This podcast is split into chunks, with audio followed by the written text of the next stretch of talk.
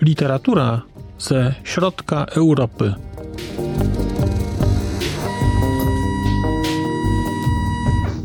Podcast około książkowy.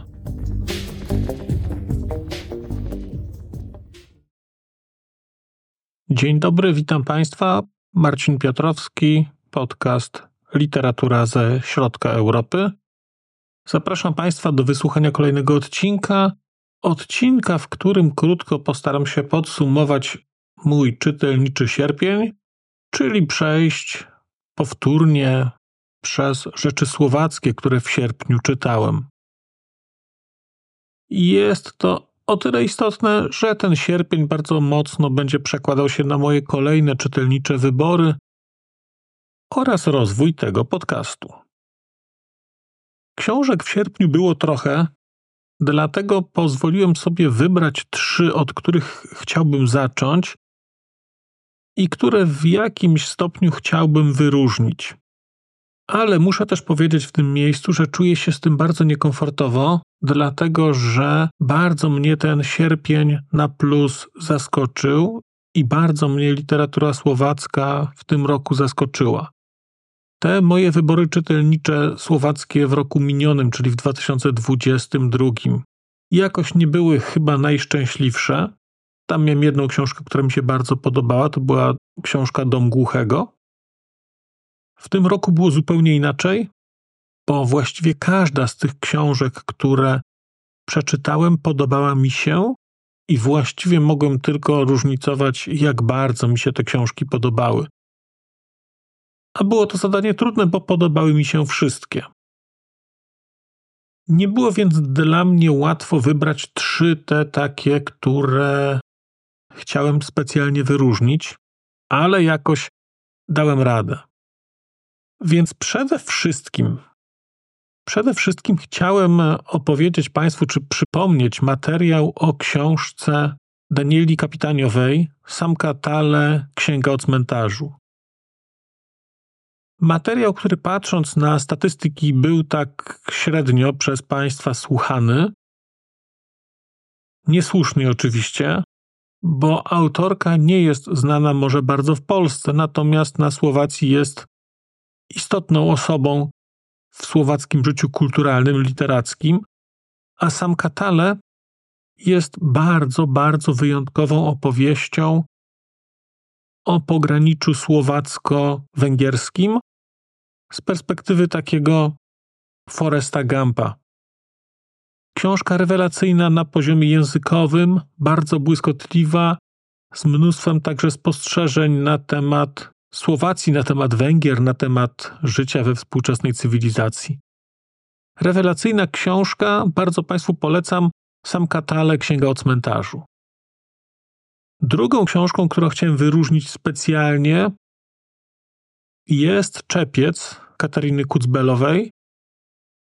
Też bardzo książka inna, bardzo książka otwierająca i książka, która mi pokazała Słowację w zupełnie inny sposób, a jednocześnie odwoływała się do tych doświadczeń, które gdzieś mamy wspólne. Mnóstwo mówiąca o folklorze, także sporo o relacjach z ludnością romską.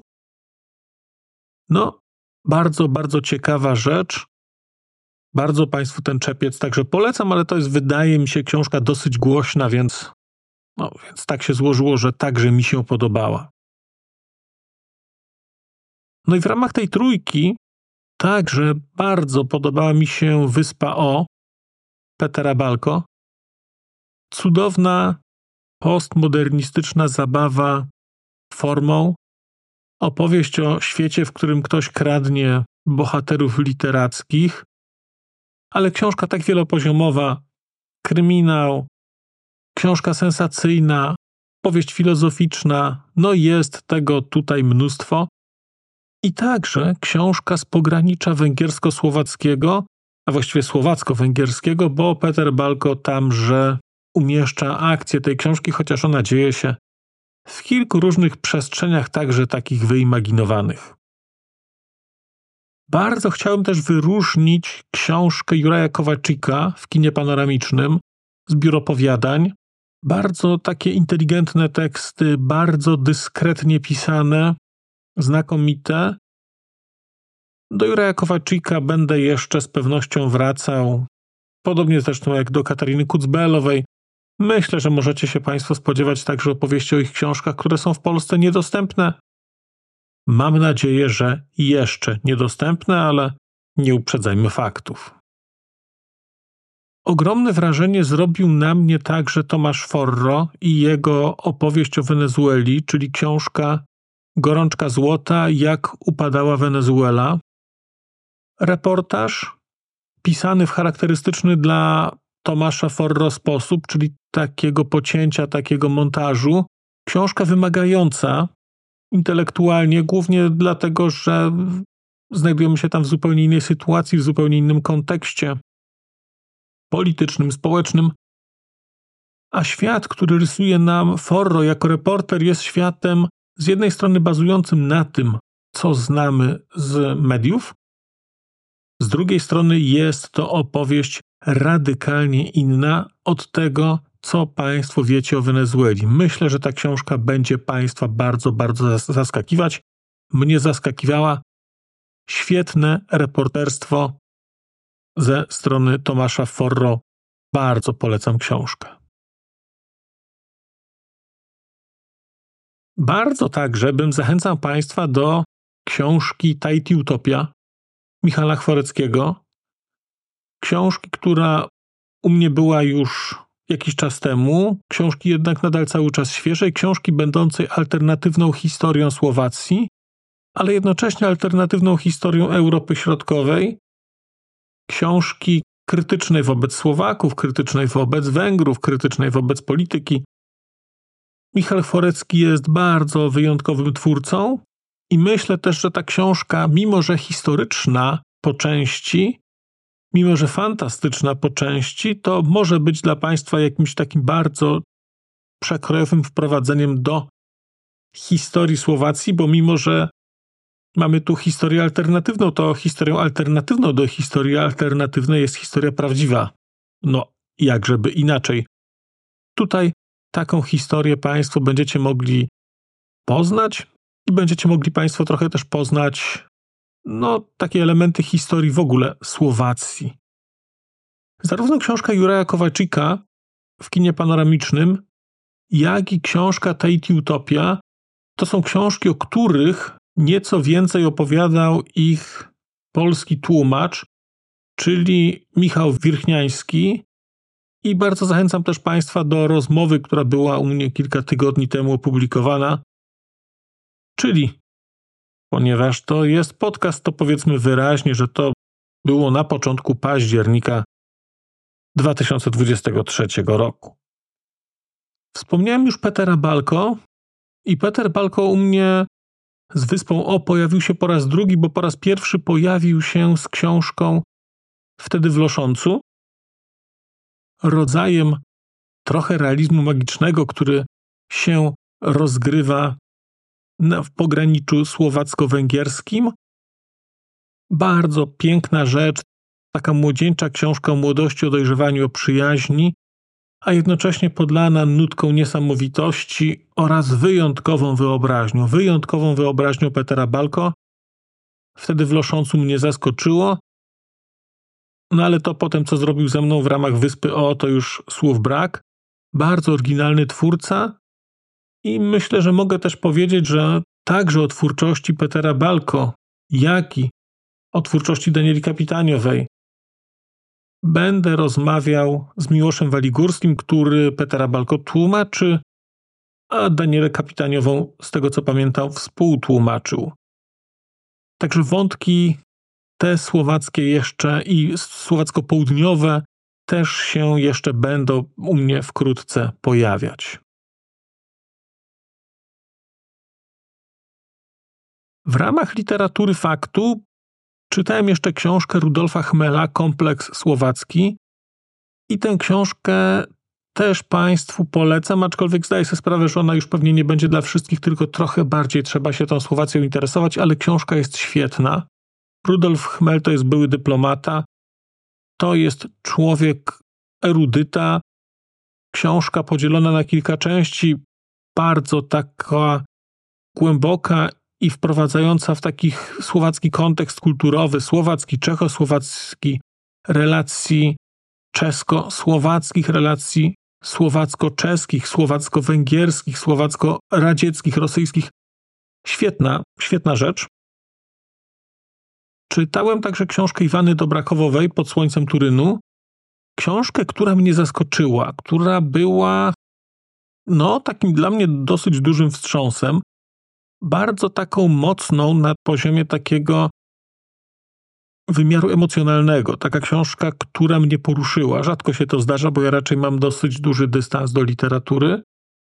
Ale w tej książce i w tej historii, która tam jest opowiedziana, historii emigranckiej, która rozgrywa się w Turynie właśnie, no było coś takiego, co było dla mnie takie bardzo mocno poruszające. No i tyle, no i tyle. Książka bardzo emocjonalna, książka bardzo poruszająca, bardzo ją Państwu także rekomenduję. I książką podobną była książka Tego pokoju nie da się zjeść autorstwa Nicole Chocholcerowej. Książka opisująca zmagania się najpierw dziewczynki, później nastolatki z problemem molestowania seksualnego, z problemem manipulacji, uwikłania tego wszystkiego w kontekst rodzinny, Książka niewielka, formalnie bardzo interesująco napisana także, ale przede wszystkim wstrząsająca na poziomie emocjonalnym i tego, co dzieje się z bohaterami, co dzieje się w ich sercach, co dzieje się w ich głowach, jak to wpływa na ich życie. Zarówno książka Iwany Dobrakowowej, jak i książka Nicole Chocholcerowej to są książki, które gdzieś idą obok siebie. One mają coś wspólnego ze sobą, ten element krytycyzmu wobec słowackiego sposobu myślenia, ale jednocześnie, jednocześnie bardzo mocne zwrócenie się ku osobom młodszym, pokazanie trochę takich patologicznych sytuacji oraz jakiejś formy społecznej akceptacji dla nich. No, bardzo, bardzo Państwu te tytuły polecam. Została mi jeszcze książka Jednorożce, książka Barbory Chrinowej, książka, która jest zbiorem opowiadań. I książka, która mi się podobała, podobała mi się w tym wymiarze takim środkowoeuropejskim i takiej, i takiej nieoczywistości, a jednocześnie była dosyć smutna, bo też pokazywała pewną niemożność przeskoczenia pewnych barier takich komunikacyjnych, barier w postrzeganiu rzeczy, które sami gdzieś sobie stawiamy, wobec których sami się odnajdujemy. Bardzo też interesująca, bardzo, bardzo dobrze napisana. Tak to wyglądał u mnie sierpień. Bardzo się cieszę, że miałem okazję te książki poczytać. Od razu zapowiadam, że będzie pewnie kontynuacja tych wątków słowackich. I to nie tylko na poziomie książek, które były, czy które są dostępne w języku polskim, ale także będę też chyba opowiadał Państwu o książkach, których w tej chwili w polskim przekładzie nie ma, a które gdzieś mi się pojawią, które gdzieś będę czytał nieudolnie, bo nieudolnie, ale skutecznie, mam nadzieję. I też w ogóle zachęcam Państwa do próby chociaż czytania literatury słowackiej, bo ten język w stosunku do języka polskiego jest naprawdę bliski. Oczywiście nie będziecie Państwo tłumaczami, będziecie Państwo sięgać po słownik, ale daje się, ale daje się, a warto. No ale o tym opowiem przy innej okazji, a dzisiaj chciałem po prostu podsumować ten słowacki sierpień, zachęcić Państwa do dania szansy Danieli Kapitaniowej, posłuchania sobie opowieści o Sam Kotale i także przeczytania tej książki, no bo posłuchanie to wiadomo, łechce tylko moje ego, a przeczytanie myślę, że będzie dla Państwa świetną rozrywką i też może coś dorzuci do ogólnego oglądu świata. Bardzo dziękuję za dzisiejsze spotkanie. Linki do odcinków znajdą Państwo w opisie. Ja się żegnam. Powrócę do Państwa wkrótce. Do usłyszenia.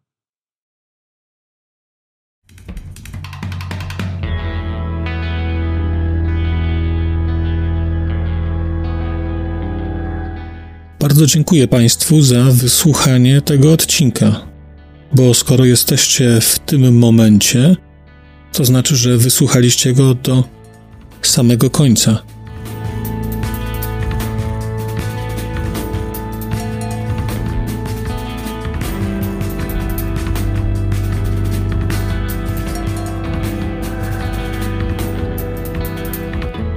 Słuchaczy platform podcastowych chciałem zaprosić na kanał na YouTubie, gdzie znajdziecie Państwo te same treści, ale dzięki modułowi komentarzy będziecie mogli wejść w interakcję z innymi słuchaczami tego podcastu i dzielić się swoimi spostrzeżeniami dotyczącymi książek, ale nie tylko.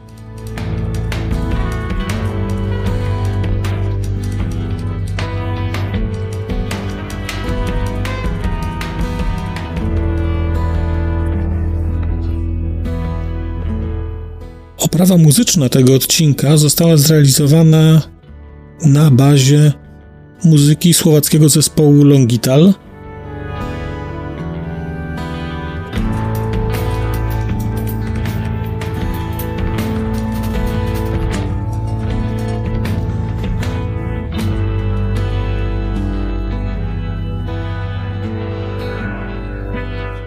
Longital to Wspaniała słowacka grupa, której muzyka jest dla mnie kwintesencją nowoczesnego brzmienia Europy Środkowej. Bardzo Państwa zachęcam do posłuchania tego zespołu i chciałem podziękować Shinie i Danielowi, że zgodzili się na wykorzystanie ich muzyki w moim podcaście.